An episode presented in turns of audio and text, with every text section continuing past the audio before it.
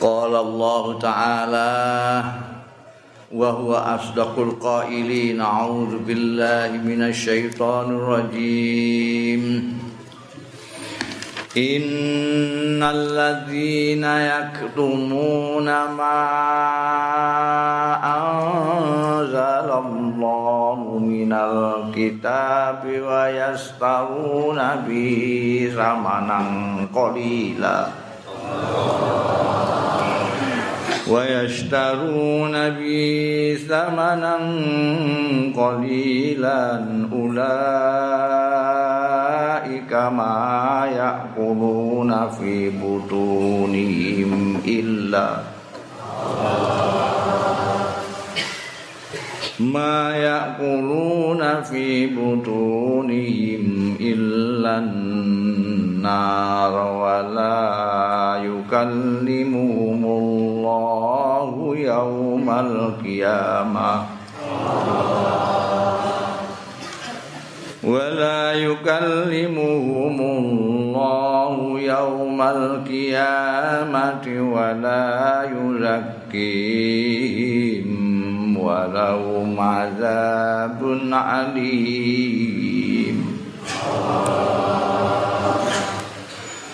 أولئك الذين اشتروا الضلالة بالهدى والعذاب بالمغفرة. فما أصبرهم على النار.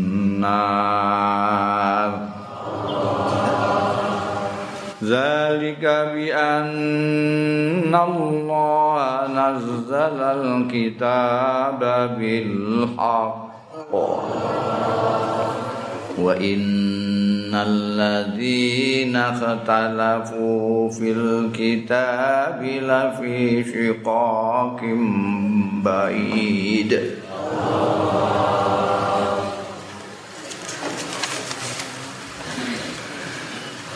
Innal ladzina sak temene wong-wong yaktumuna sing padha nyingitake ndelikake ora ngetokke. Ma ing barang anzalallahu kang nurunake sapa Allah Gusti Allah. Minal kitab saking kitab bayane kitab. Wayastaruna lan padha tuku ngijolake alladzina bihi kelawan ma anzalallah. Samanang kolila ing rega sing empreh sing sithik. Ulaika utawi mengkono-mengkono wong-wong mau.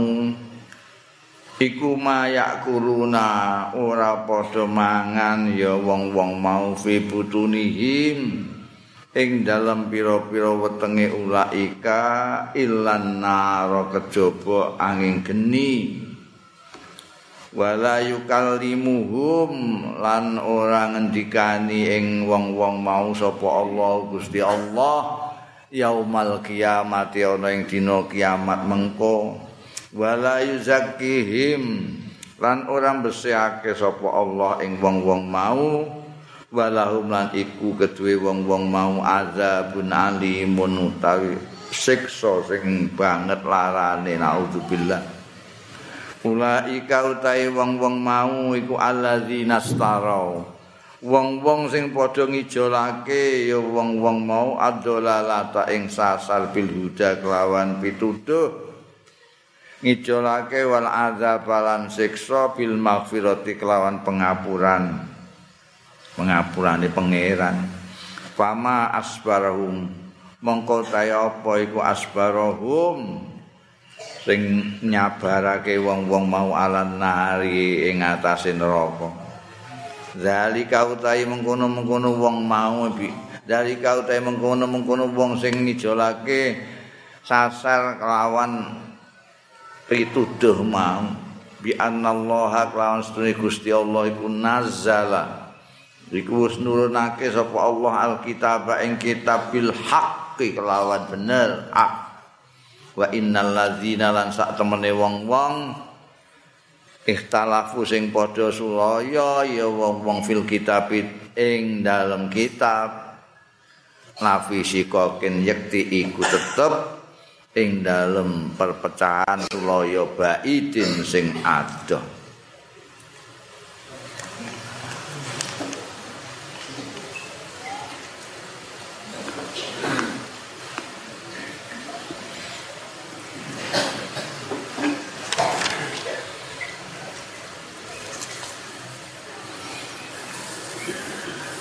tiang-tiang Yahudi, tiang-tiang Nasoro niku sakjane kan sering disebut ahlul kitab mereka sami mawon kali kita menika nabine Nabi Musa, Nabi Isa menika keturunan kitab-kitab saking Allah taala. Nabi Musa kantuk Taurat Nabi Isa Injil Kanjeng Nabi Muhammad sallallahu alaihi wasallam sedaya saking Gusti Allah mila agamane niku bahkan mulai zaman Nabi Adam, Nabi Ibrahim agamane namine sedaya Islam. Amine Islam. Islam maknane menyerahkan diri. Pasrah nih ini Gusti Allah. Jadi Nabi Ibrahim ngendika anak awal muslimin. Mangke mboten mau kita ini ada salah kaprah ae masane wong Islam niku awake dhewe. Kabeh padha cuma syariate kula pun bolak-balik matur syariate wae sing ana wawan, ana perbedaan sesuai dengan zaman. Nalika Nabi Musa niku umpamane kena najis klambine diketok, ora dikumbah kaya zaman sakniki. Zaman Kanjeng Nabi niku mboten diketok tapi diumbah. Wis cukup diumbah. Sing gawe niku nggih contoh sing paling gampang niku nabi zaman nabi Adam wong kawin ora kena nek ora karo dulure dhewe. Niku peraturane wajib karo dulure dhewe. Mergo nek ora karo dulure dhewe iku karo monyet dan ora. Mergo sing ana manusa nek dulure anak turune nabi Adam sing pertama. Nek ane akidahe padha. Islam la ilaha illallah iku tegese pasrah. Ora ana sing diwedeni kejaba Gusti Allah ora ana sing disungkani kejaba Gusti Allah ora kena sing meksa-meksa kejaba Gusti Allah. Tak terus pokoke Allah tak asah ning Gusti Allah. Niki. Lah niki pun dikandakno tenggene Taurat maupun tenggene Injil mun dikandakno engko iki isih ana utusan akhir zaman sing nerusno misi keislaman ini. Dan niku wong-wong Yahudi niku ndelikno niku. Disingitake niku didelikno. Ora dikandakno karo wong-wong gara-gara fanatisme. Di fanatik niku nek kenemenen terus menutup pintu hati, menutup pintu pikiran. Terus sing bener ora sira ditampa. Ngene dadi kitab dipilih sing kira-kira cocok karo kepentingan iki ambake dikandakno sing ora cocok disingitno niku didelikno ora dikandakno ora dikandakno mulane nganti sakniki wong-wong Yahudi Nasrani niku mboten ngakoni Kanjeng Nabi Muhammad sallallahu alaihi wasallam. Mergo mulai biyen niku disingitno didelik. Beda karo Kanjeng Nabi Muhammad sallallahu alaihi wasallam. Sedaya disampaikan. Kanjeng Nabi saking amanahe menyampaikan dawuh-dawuh Gusti Allah menika nek didhawuhi Gusti Allah qul huwallahu ahad. Niku lak kandakno Gusti Allah iku siji. Niku mboten disampaikno Gusti Allah iku siji ora ngono. Allahu ahad. Mboten ngoten kanjeng Nabi. Disampaikno sak kule sisan. Kul huwallahu ahad. Kandakno sak kul padahal kul niku dawuh tengene kanjeng Nabi. Nek kula matur tengene jenengan sampean kandhakake kali tiang-tiang jam gene jenengan nggih Ngoten niku sampean pundi? Nek niki rak mboten dikandakno. Sing dikandakno pesene kula niku. Tapi nek Kanjeng Nabi saking amanahe diatur, disampaikan sedaya termasuk kulnya. Kul inna sholati wa nusuki, kulnya ya disebutno. Mboten ana sing delikno belas. termasuk ngakoni Nabi Musa, Nabi Isa, Taurat, Injil, Zabur, sak piturute menika disampaikan sedaya terbuka mergo menika amanah saka Gusti Allah. Nek tiang-tiang Yahudi niku yaktumuna amzan ma anzalallahu minal kitab. Kuriye apa kok ndak ngantek didelikno barang niku. Menika wayas taruna bihi sama nang kolila. Kepengen untuk sesuatu yang empleh. Terus ngantek mentolo ndelikno sing didhawuhna Gusti Allah. Ana sing perkara sing empleh ngedol dawuhe Gusti Allah taala. Mriki jane ora kelakuane awake dhewe niki sing dirasani tengene mriki niki kelakuane liyane awake dhewe wong Yahudi. Tapi awake dhewe kudu introspeksi napa-napa niku namine. Introspeksi. Engko aja awake dhewe ya ketularan. Mergo duwe kepentingan terus ndelikno ayat. Utawa sak langsule mergo duwe kepentingan terus adol ayat. Samanang kolila. Samanang kolila niku rego sithik wis pira? Ya sing perkara donya niki sedaya bondo kekuasaan gengsi wong-wong Yahudi rek gengsi aku nek ngandakno iki wong demoro ning Muhammad kabeh Lah aku wis tau dadi wis dadi pimpinan serah ana yahe ini jare. Engko ngaleh rono. Gengsi.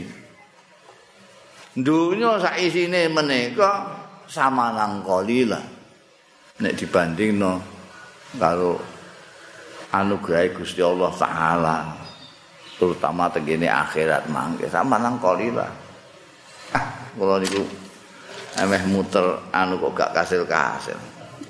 Nek kula duduhake iki teknisine ora pati anu. Kula niku kepengin dudono peta alam semesta. Mriki ini disorot mriku mestine jarene ora iso mergo padang. Kudune kudu peteng dadi ketok mangke.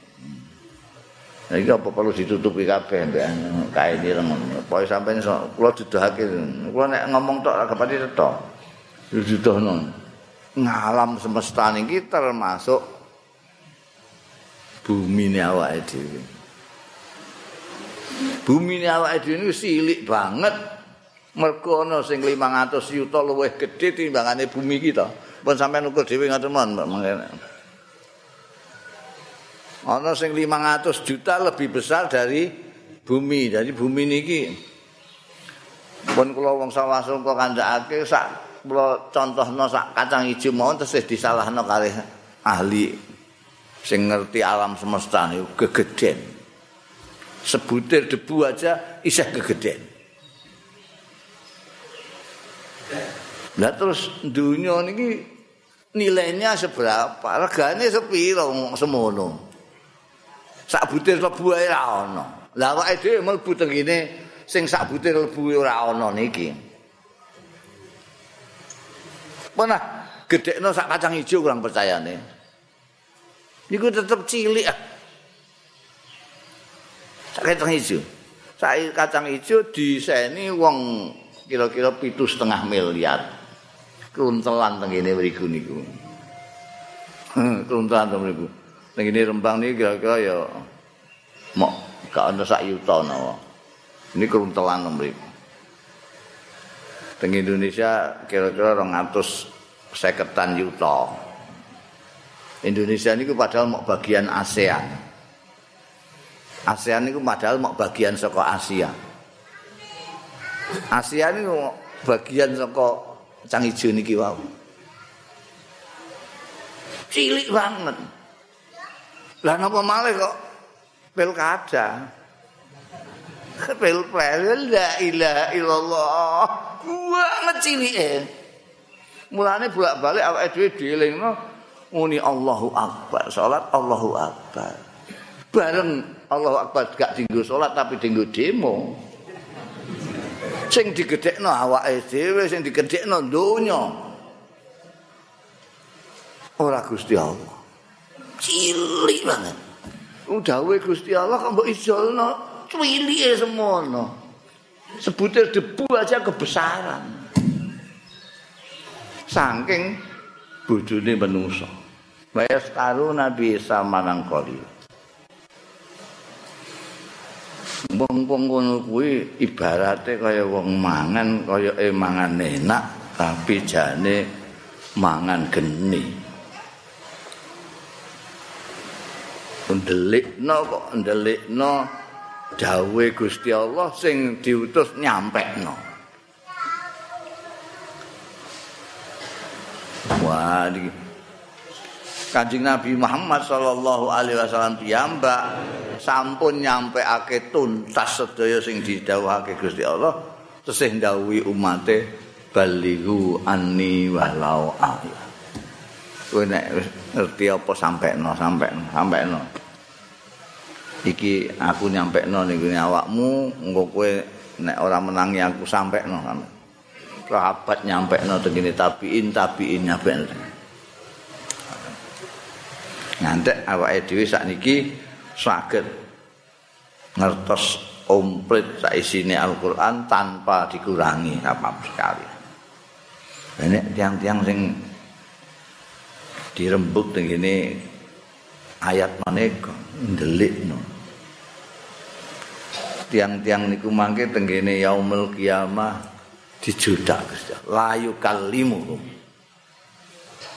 Layu kalimuhum. Pes ora direwes karo Gusti Allah.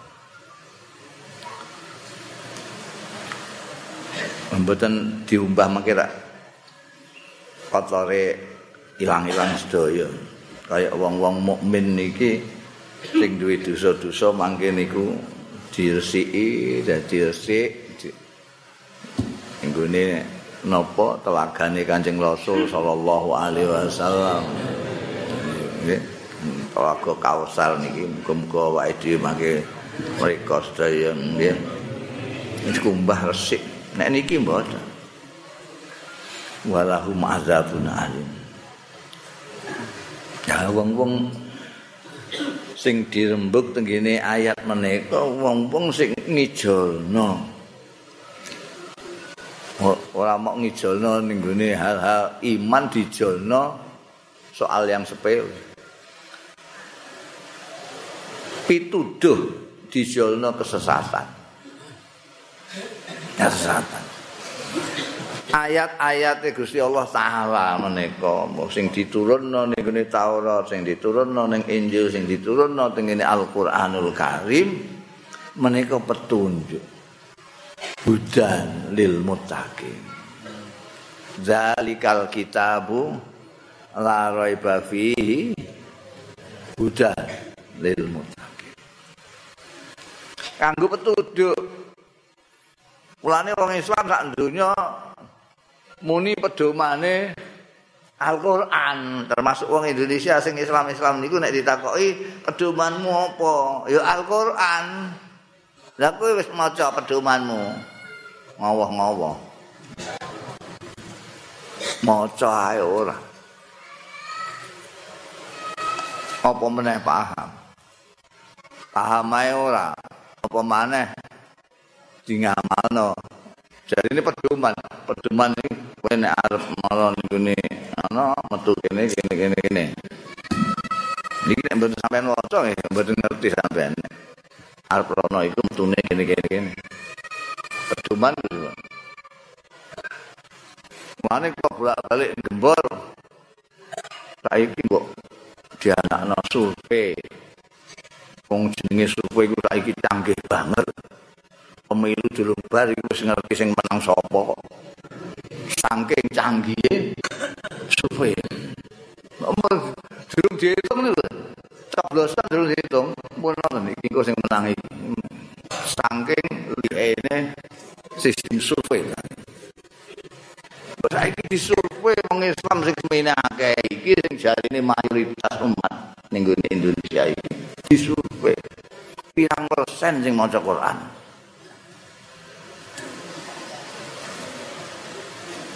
Jarine 80 apa 90 persen. Berarti 200 juta lebih itu sing maca Quran pira? Engko terus itu terus no. semono akeh sing maca Quran iku pirang persen sing ngerti maknane. Semono akeh sing ngerti maknane iku pirang persen sing ngamalno. Aku. Kula malah wani ngomong nek iki dilak dilaksanakno survei iki penelitian ini dilaksanakan. Insya Allah semua persoalan negara Indonesia ini bisa teratasi. Kenapa? Mereka mayoritas umat Islam itu Wong Indonesia itu mayoritasnya wong Islam. Wong Islam itu pedomane Al-Qur'an. Al-Qur'an hudan lil muttaqin. Mangke nek dianakno survei, mangke ajeng kula usulake malih nek ana nganakno sensus. badan sensus nasional itu sing di sing didelok umur umure pira penggaweane apa? Sing ngoten-ngoten agamane apa? Ora ana niku. Dibokno wong Islam sing maca Quran sepira sing ngerti maknane Quran pira sing ngamalno Quran pira. Lha mangke nek pun hasil disurvei ketok mangke. Oh, mulane keadaane umat Islam ngene iki. Nang sing maca Quran mok semene. Oh, mulane akeh wong Islam sing dadi koruptor. Jangan tinggal koruptor ini Islam kan akeh sing Islam. Lah wong sing ngerti maknane mok semene. Oh ya pantas wong Islam ditukaran karepe dhewe. Lho enggak, sing maca Quran, sing ngamalna Quran ora ana. Kagetan. Hasil diberikan ke kementerian-kementerian itu. Ben melek kabeh niku kebijaksanaan kebijaksanaan kementerian-kementerian disesuaikan kali jumlah potongane mayoritas umat wong Indonesia iki. Okay. Lah sak niki-niki kan ya. Mosok napa ana wong Islam kok nglakoni agamane kok lara kabeh. Ngrungokno khotbah Islam kok lara kabeh. Nglakoni agamane kok rasane kok koyo tersiksa. Ngrungokno dakwahe kok koyo disempal-sempal. Iki mesti ana sing gak bener. Jadi wong Islam sak niki rak petentengan kabeh ngono. Ora kabeh mangsane Islam niku beban berat. Ya Allah. Sithik-sithik neraka, sithik-sithik apa. Kok neraka tok iki masyaallah. Oh tadi. Padahal pun nonton kiai-kiai sing kaya Pak Sarop ngejak santai ngoten iki agama ya kaya pasar ngoten niku ya. Enak guyu-guyu ngono. Ora petentengan serius. Niku apa? Bakas regane lombok wis ngelu kok dadak. Isa dikon bakas neraka bareng wis ora ora. Niku Pak Sarwo enak. Niku kiai lho niku sampean dalane. Apa itu? Iku kiai ngalim niku, luwih ngalim bangane kula. Pepeh guyon ngoten terus dianggap ah rapati kiai. Masya.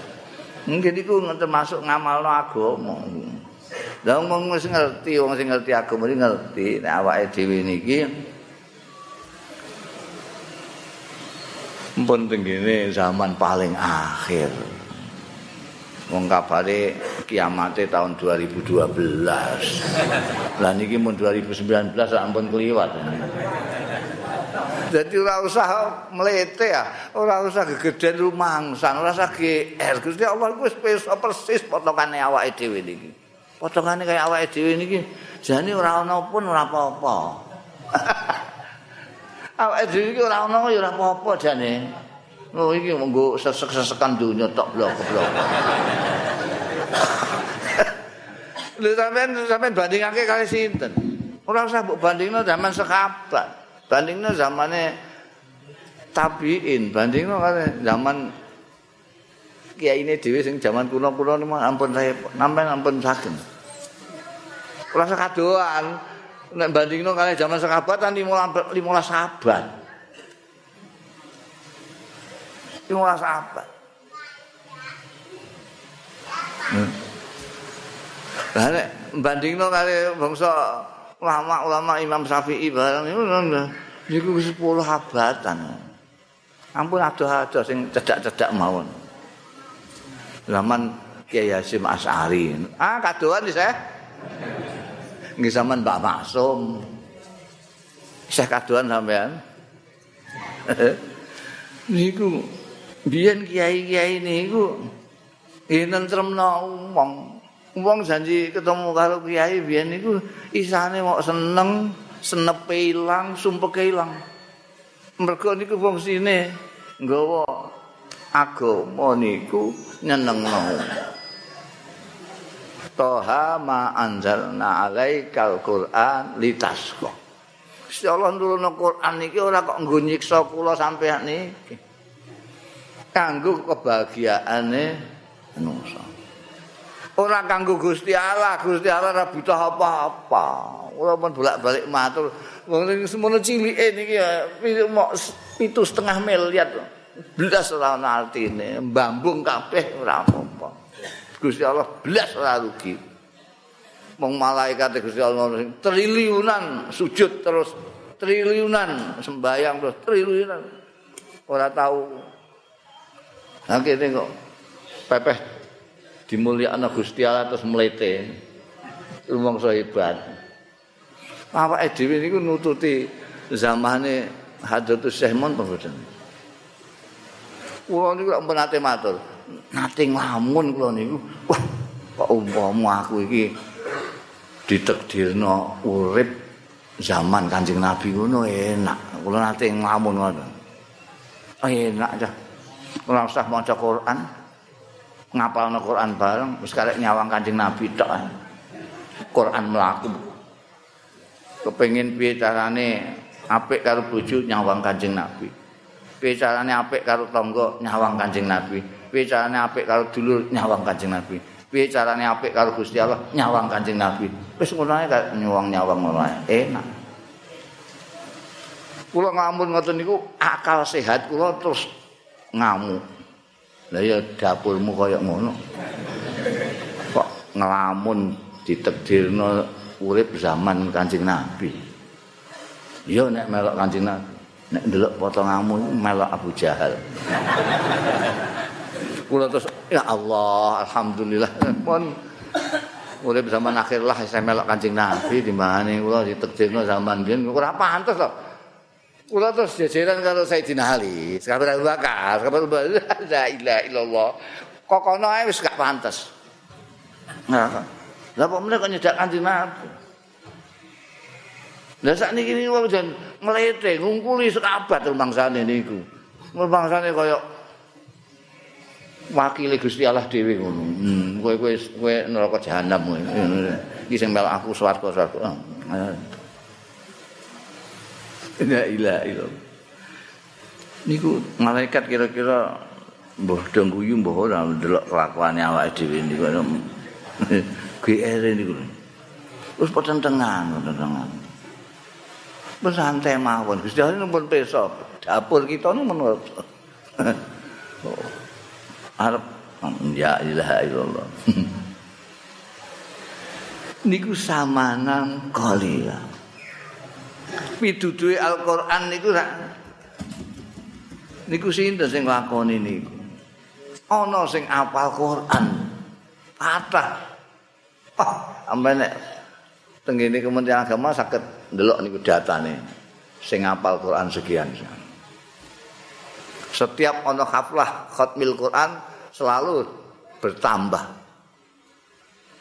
Hamilul Quran. Istilahnya niku harus lucu istilahnya teng mriki niku. Apal Quran niku Al-Quran khatam Al-Quran bil ghaib.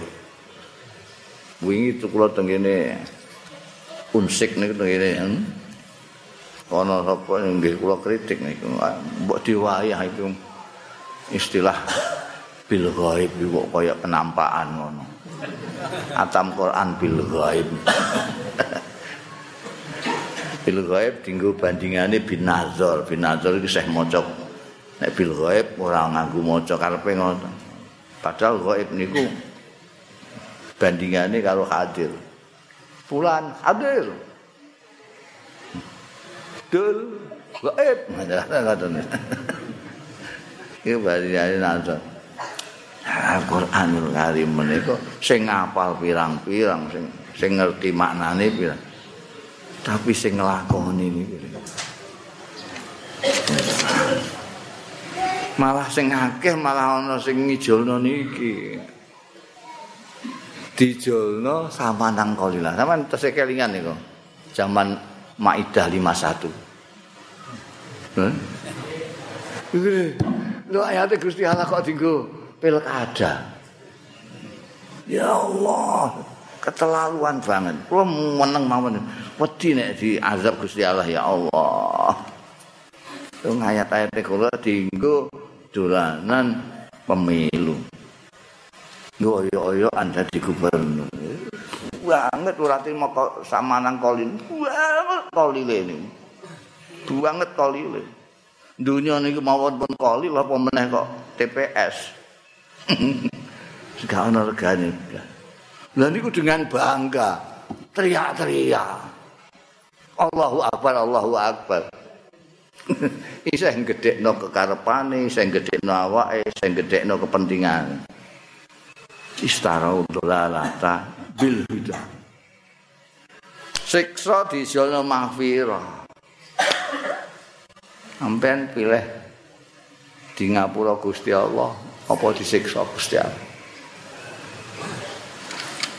Lah kok milih disiksa Gusti Allah? Lho pundi kula mboten. Lah kelakuanmu iku. Kelakuanmu iku kelakuan jaluk siksa. Ora kelakuan jaluk ngapura iku. Jaluk maghfirah enggak ngono kuwi kelakuane. Lho kok wani-wanine maghfirah mbok ijolno siksa iku ngok awakmu kok apa? Ngotot kawat balung besi apa piye? Kok wani mek neraka iku? Kok wani mek neraka iku? Wis mbok dudukno apamu? Fama asbarohu malan nar.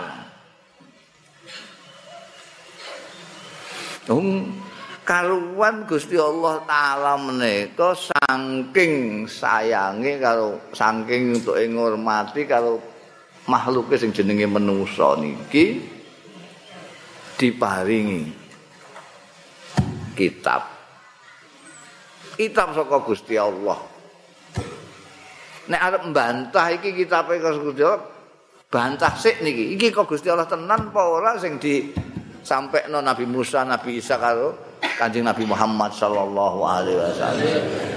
Nun ampun ngurusi sing kitab Taurat, kitab Injil, Al-Qur'an iki. Niki sampean apa iso mbantah nek iki ora saka Gusti Allah?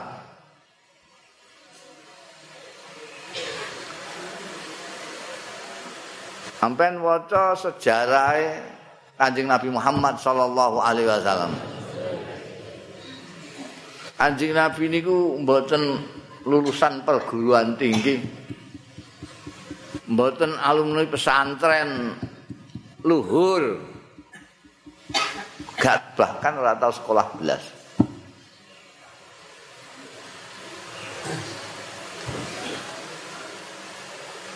Lahir wis ora ditunggani ramane. Pakai umur bocah ditinggal ibune. Ditiripno mbae ora suwe mbae kapundhut sisan. Jadi wong niku ahli-ahli pendidikan niku kan selalu man bocah iki iso terdidik nek ditunggani bapake, mboke terus di sekolahno. Oh, dia akan terdidik. Niki Kanjeng Nabi mboten memenuhi persyaratan iki kabeh. Wong tuane ora didik, wong ora menangi. Sekolah Zaman jahilah makhluk anu sekolahan. Sekolahan itu bid'ah. sekolah. Terus ujuk-ujuk begitu umur 40 tahun menjadi begitu ngalime lah karu-karuan. Dia bingung kabeh wong menjelaskan gak iso. Nek wong sing kenal banget karo Kanjeng Nabi, terus langsung iman karo Kanjeng Nabi. Mergo yakin nek iki mesti kok Gusti Allah. Kok sahabat Abu Bakar sing mulai anu niku cedak banget kalau Kanjeng Nabi. orang pertama ya. Garwane dhewe. Siti Khadijah orang dekatnya tahu persis. Ini tidak nah mungkin, nah mungkin Muhammad kok terus iso pintere kaya ngene iki. Ngerti segala macam iki ora mungkin. kok sekolahan dia gak tahu sekolah. Kok guru dia ora tahu duwe guru. Lah nek pun percaya niki terus Kanjeng Nabi dawuhna iki Al-Qur'an niki saka Gusti Allah taala kanggo kepentinganmu Baya uripmu kepenak dunia akhirat Jadi Quran diturunno bil haq. Nek ana sing nyulayani lara kabeh ngono. Wis mesti lara kabeh. Wa innal ladzina ikhtalafu fil kitab la fi shiqaqin. Masih mangke umpamane kok kesasar ngono semua adoe ra karuan, balike kangelan. Mulane kan bejo terus diparingi Gusti Allah gelem ngaji senajan seminggu pisan. Oh, ngerti maknane Quran. Ya daung wis ya lumayan lah. Lumayan wis bar kiamat kok menungso urip zaman bar kiamat sing ngaji ini pun pol tope ini Jadi kadang-kadang wong-wong niku do GL niku gak nyukuri, kurang syukur awake dhewe niku krisis syukur, ora syukur. Wis dititahno urip zaman akhir kok isih diparingi iman Islam karo Gusti Allah niku wah nikmat luar biasa. Jadi kula malah bayangno nek awake dhewe niki urip zaman Kanjeng Nabi, gong karuan melok kanjeng Nabi. Delok potongane awake dhewe ngeten iki. Sahabat Abu Bakar rono, sampean mereka kok. Eh. Sayyidina Umar mereka sampean mereka. Sayyidina Utsman mereka. Mereka sepundi? sahabat Abu Bakar Siddiq menika tiange sae wis senengane nulung paling memper karo Kanjeng Nabi Muhammad sallallahu alaihi wasallam. Sayyidina Umar itu tegas tapi rendah diri. Wong tingkatannya nomor dua sedunia lah. Sakwise sekapat Abu Bakar Sayyidina Umar. Mengko ngendika kok umpamane wong sak donya iki mlebu swarga kabeh liyane wong siji. Aku kuwatir wong siji ku aku. Sampeyan bandingan gak saya kula sampean. Wong sak dunya iki mlebu neraka kabeh mok siji, sing siji ku aku. GR iku. Sayyidina Utsman bin Affan menika. Ya Allah. Sugih mblegeduk. Tapi aku mantil blas. Sampeyan jikuki napa bandane jalno mawon. Kula pernah cerita nalika paceklek teng Medina niku. Kabeh stok bahan makanan teng Medina gak ono sing dodol. Entek kabeh. Dadi penyalur-penyalur niku bingung arep kulaan ning ndi. Kabeh wis entek kabeh. Tenggini gudange sahabat Usman tesih sak gudang. Waduh mriku kabeh. Bareng krungu berita nek gudange Sayyidina Utsman isih penuh bahan bak apa sembako. Moro kabeh niku pengecer-pengecer niku kula tak nderek ngedolake niki. Gandum jenengan beras jenengan kowe ngek ibadi aku pira?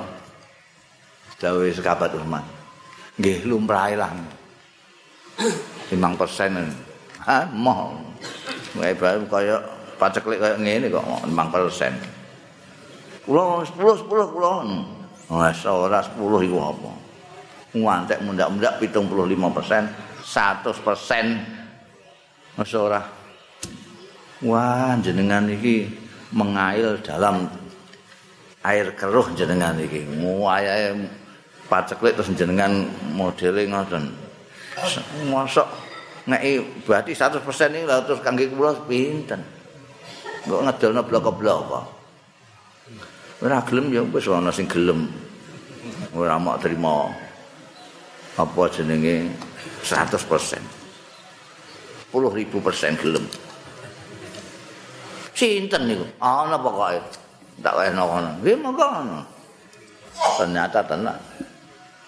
Didum gratis. Sedaya diujung berarti. Sing gelem 10% 10 kali lipat ngene iku Gusti Allah. Berarti sugih bentuk tapi lomane luar biasa.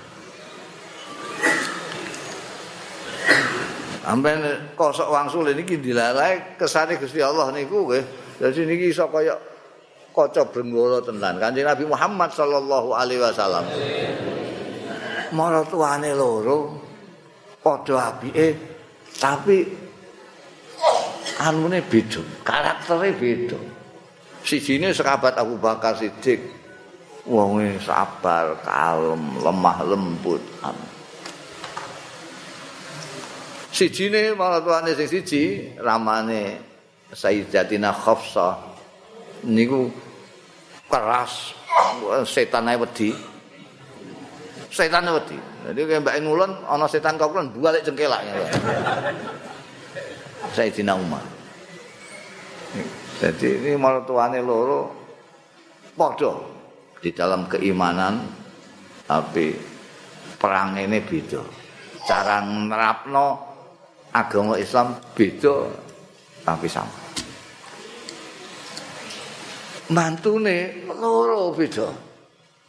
Siji sugih mlegeduk Sayyidina Utsman, siji melarat takel sikut Sayyidina Ali. Tapi kena digo contoh kabeh. Sing sugih mlegeduk ngungkapno syukure niki nang kalih nasarukno bandane kangge kepentingan umum. Nyukuri niku mboten kok kaya pembawa acara nih. Mari kita syukuri nikmat ini dengan bersama-sama membaca alhamdulillahirabbil alamin. Ora ngono. Nyukuri kekayaan paringane Gusti Allah. Nggih. Napa niki diinfakno kangge kepentingan-kepentingan tiang-tiang sing membutuhkan kaya Sayyidina Utsman. Sing sugih syukur sing marat sabar ya. Sayyidina Ali niku perkara lesu barang ngono iku mirip-mirip Kanjeng Nabi. Sak keluarga. Sak keluarga. Di sedina rong dina ora dahar ngoten biasa niku. Awake dhewe niku nggih biasa mboten mangan niku nek pas poso Ramadan awan. Niku mawon mangke diwales malarika maghrib. Jadi sahabat Abu Bakar niku nempel Kanjeng Nabi Muhammad sallallahu alaihi wasallam dalam kelembutannya, dalam kebaikannya, dalam apa segala macam. Sahabat Umar nempel Kanjeng Nabi Muhammad sallallahu alaihi wasallam dalam tegasnya, dalam tawaduknya benar.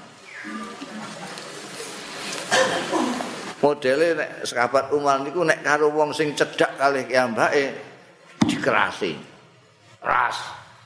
Keluargane dhewe, kancane dhewe keras.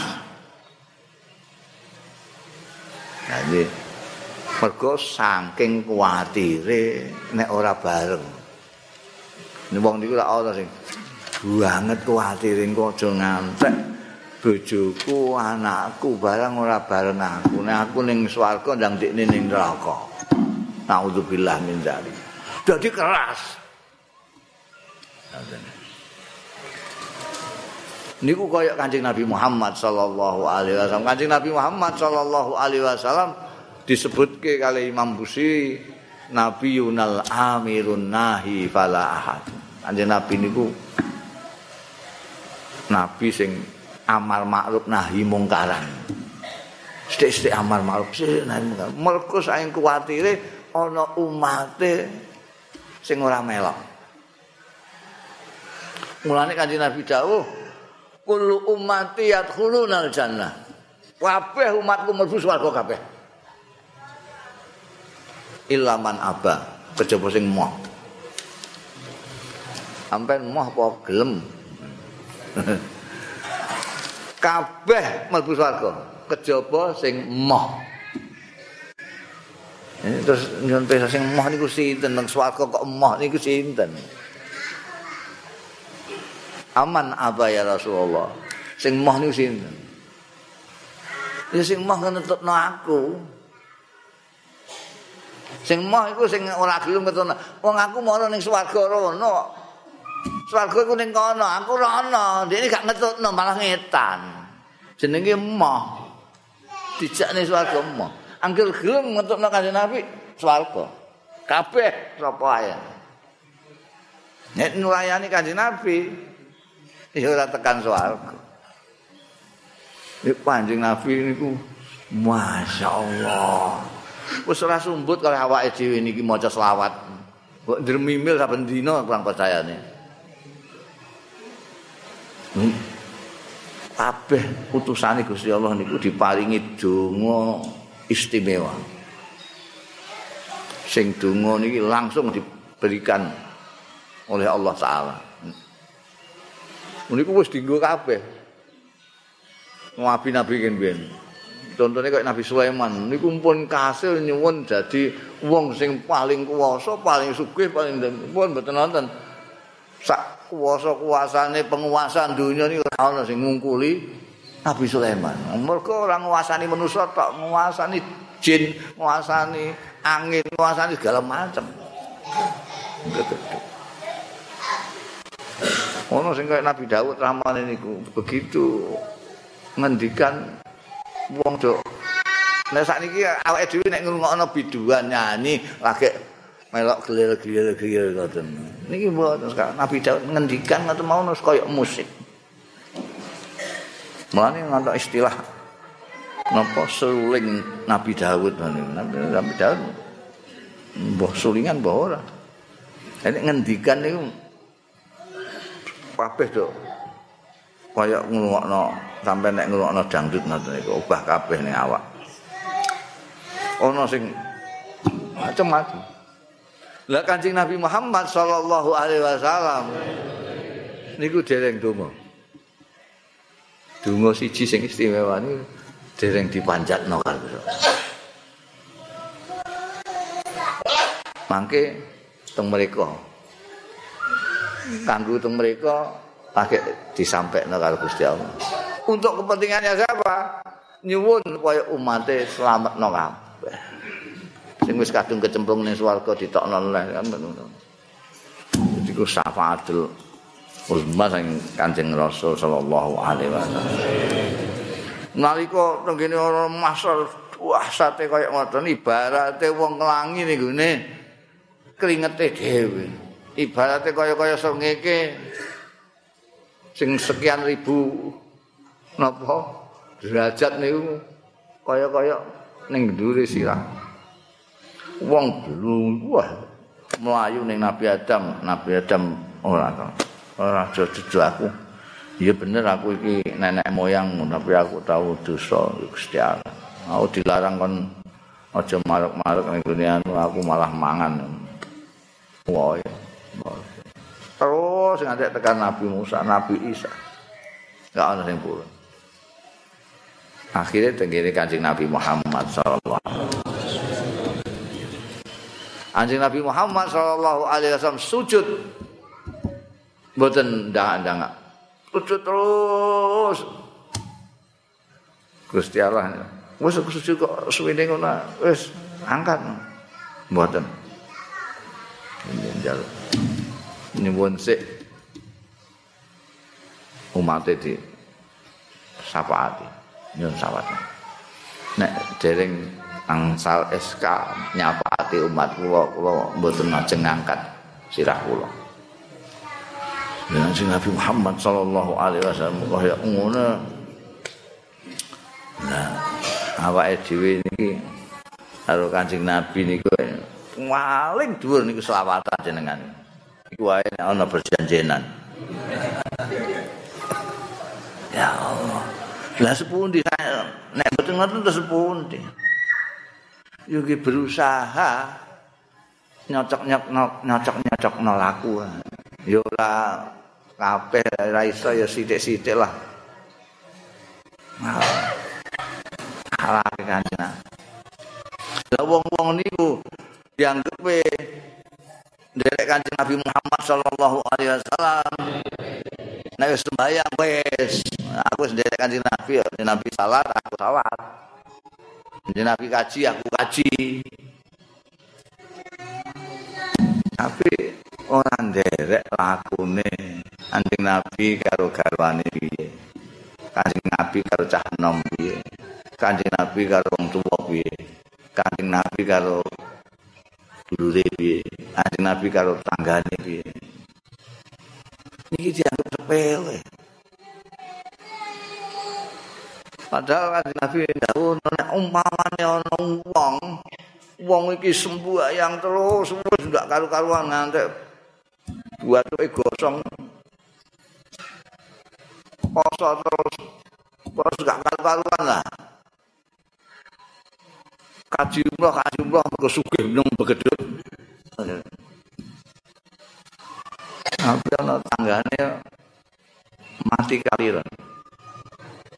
Ini wong niki kerak neraka ya. Jadi aja ngendel-ngendel no bayang ngendel-ngendel poso. Nek ora gak apik. Wong Kanjeng Nabi ngantek ngendika Innama bu istu mima makarimal ahlak bu istu innama bu istu li utami mahasinal akhlak Aku diutus semata-mata. Sing muni semata-mata no, innama. Innama niku adatul hasri. Nek buistu aku diutus li utam mima makarimal ahlak. Aku diutus nyempurnakno budi pekerti. Tapi nek innama ana innamane niku cara jawane angin pestine niku maknane semata-mata. Saya diutus semata-mata untuk menyempurnakan akhlak. Akhlak biyen wis diajarno kalau Nabi Musa lewat Taurat saking Taurat Nabi Isa saking Injil disempurnakno Kanjeng Nabi Muhammad sallallahu alaihi wasallam kalayan Quran. Mila mergo diutus untuk menyempurnakan akhlak Kanjeng Nabi Muhammad sallallahu alaihi wasallam orang yang paling mulia akhlake. Wong ames di didhawuhi ngajak wong berakhlak nyempurnakno akhlak Jadi akhlaknya kanjeng nasi paling top. Sampai buka Quran mulai Fatihah ngantek minal jinnati wan nas. Mboten nonton pengalembonane Gusti Allah bab ngilmune padahal ngilmune Kanjeng Nabi niku gak ana sing iso ngungkuli ngilmu bab penitahan alam sampai tutup alam sampai akhirat. Sejarah zaman kuno-kuno mulai Nabi Adam ngantek yang akan datang. Lho ilmu koyo ngono. Tapi mboten dilem teng Quran. Apa meneh kok kedudukane? Sebagai kepala negara sebagai pemimpin apa meneh kok bandane? Blas ora tau dilem. Sing dilem napa? Wa innaka la'ala khuluqin azim. Wa innaka la'ala khuluqin azim. Wah wah. Eh, sampai betul menang. Ya Allah. Kanjeng Nabi niku salaman niku. Nek wong durung ngeculno kanjeng Nabi mboten mboten ngeculno dinjarno wong iku ngeculno dhisik. Mergo gak sampai hati engko nek tersinggung nek dibisiki wong niku Kanjeng Nabi ngeten terus. Ngantek wong iku cangkeme ngadoh. Ora kok terus Kanjeng Nabi ngeten, wis wis mboten. Dinteni. Mulane ngantek Gusti Allah taala ndawuhi wong-wong iku supaya pengerten, pengerten. Sampeyan maca niku surat sing arang-arang diwaca wong niku jane apik niku diwaca. Dadi nek sowan Kanjeng Nabi aja ngobrol sing kesuwen, barang itu sing ngandani Gusti Allah. Kanjeng Nabi mboten. Wong Kanjeng Nabi wis. Ditamoni sapa ae ditemoni. Mantek kadang-kadang wonge ora mulai-mulai sing dawuh Gusti Allah Kadang-kadang malah tengok-tengok ning kono, ada turu ning kono.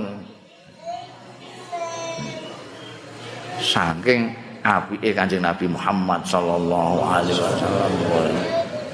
Nek roh wong lesu Kanjeng Nabi niku malah pucet. Kanjeng Nabi niku rong dina ora dahar, rong dina ora dahar. Ngonangi sekabate sedina suwengi ora dahar. Suwe pun dini. Sahabate alias santrine niku sedina suwengi ora. Kanjeng Nabi rong dina, rong. Sahabate mengkurep teng masjid. masjid mboten kaya masjid sak niki ana tekele ana marmere barang lemah bloko-bloko niku. Kowe apa iku kok mengkurep ngene? Ah, mboten. Ora bare saya ana apa. Ah, mboten. Lesu ya? Nggih. Ora kelem bare Asale, nah dilakno lesu nggih. Pirang dina gak sak dinten sedal. Mboten kebonan apa-apa. Eh kok memper aku, aku ya orang dina orang bengi. Ayo ayo golek-golek. Kanjeng Nabi rong dina wengi niku mboten golek. Bareng ana santrine sedina sumi ora. Ayo golek-golek. Ngene garwane ndangu kowe duwe apa iki lho ana wong kaliren nek cara rembange. Nek cara rembange ngoten. Nek Kanjeng Nabi yo mesti mboten ngoten. Kanjeng Nabi tutur katane barang halus kok. Nek kula sampeyan sing iki lho ana wong kaliren kene apa. Wah, mboten napa-napa namung wonten menika poan susu setengah botol. Ya wis cukup monggo ganjel-ganjel. Cukup ya? Nggih. Nah, terus ya. Terus ngono diombe. Panjenengan rumiyin. Ah, kowe ae. panjenengan kali dinten nah. Kali dalu kula namung sedinten sedalu jenengan rumiyin. Iya tapi kan aku gak pucet kayak awakmu ngono. Selak semaput saya ndang ngombe sik. Nek kula kali santri kula ora kula takoki kula lenggak ngoten mawon. Wong aku rong dina rong bengi ora mangan kok. Kula tenggak ngoten mawon. Kula nek ana sisane ya bejamu. Kanjeng Nabi niku mboten didhisikake. Ya Allah, niku namine bahasa Arab isar. Isar itu mendahulukan orang lain. Termasuk akhlak yang saat niki pun mboten nonton. Wah longko banget golek wong sing gelem isar, mendahulukan orang lain. Aku ya gak mangan, kowe ya gak mangan, wis kowe wae. Aku tak betah-betahno. Niku isar. Niku tingkat ihsan sing luar biasa sing angel sakniki ni rada longkon. Wong niku sing penting aku. Ono pembagiane ndek dhisik sik. Pokoke ini doyan mbok ora pokoke dhisik di. Keakuane ku nemen. Ajane kanjeng sampean mboten. Dhisikno liyane ngono. Nek cukup kabeh pakai kanjeng. Isal. Lah niku piye carane niku nggih angel nggih wong pun kliwat kiamat niku. Kanjeng Nabi dawuh wong iku tambah suwe tambah elek, ora kok tambah apik.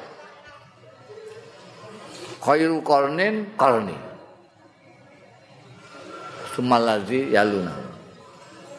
Kurun sing paling apik kurunku. Kurun niku sak taun, setahun tahun. mulai Kanjeng Nabi paling apik. Sahabat-sahabat niku wis mempel Kanjeng Nabi kabeh. Mulane Kanjeng Nabi ngendika ashabi kan nujum. Nalika wonten sing matur mangke nek mboten nonton jenengan jenengan iki manusa piyam, manusa biasa. Kapundhut jenengan iki terus pedomane kita teng sinten? Iku ana Abu Bakar ana Umar. Nah, Abu Bakar Umar niki rak nggih sedo wong manusa biasa. Nek sedo terus derek sinten? Ashabi kan nuju. Bi ayyi muqtadaitum ihtadaitum.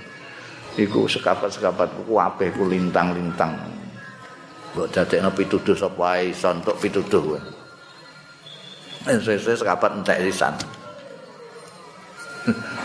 Isa ana tabiin murid-muridé sahabat. Saya lumayan lah. bariku tabiin tek arek tabiin tabiin terus terus nganti sak niki yo sak niki niki sinten terus sinten? Mung kiai maimun mampun kapundhut. Sing apik-apike guri-guri niki lak kiai maimun. Wis dipundhut sisan. Terus bal duwe endok ngoten mawon. Meh niru sinten sampean niki Hah? niru TV la ilaha illallah. Ya Allah karek nyuwun mawon Gusti Allah. Ya saisa-isane lah. Saisa-isane pancen napa namine urip ning akhir zaman ya diterima-terimakno.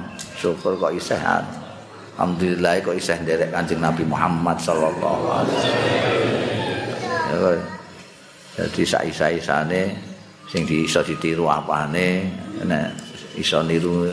Wong Kanjeng Nabi niku dilalae pancen dienggo contoh jadi kepala negara tahu jadi pedagang tahu, tau mantek dadi cangon tau. Sampeyan umpamane sampean angon wedhus iso niru Kanjeng Nabi.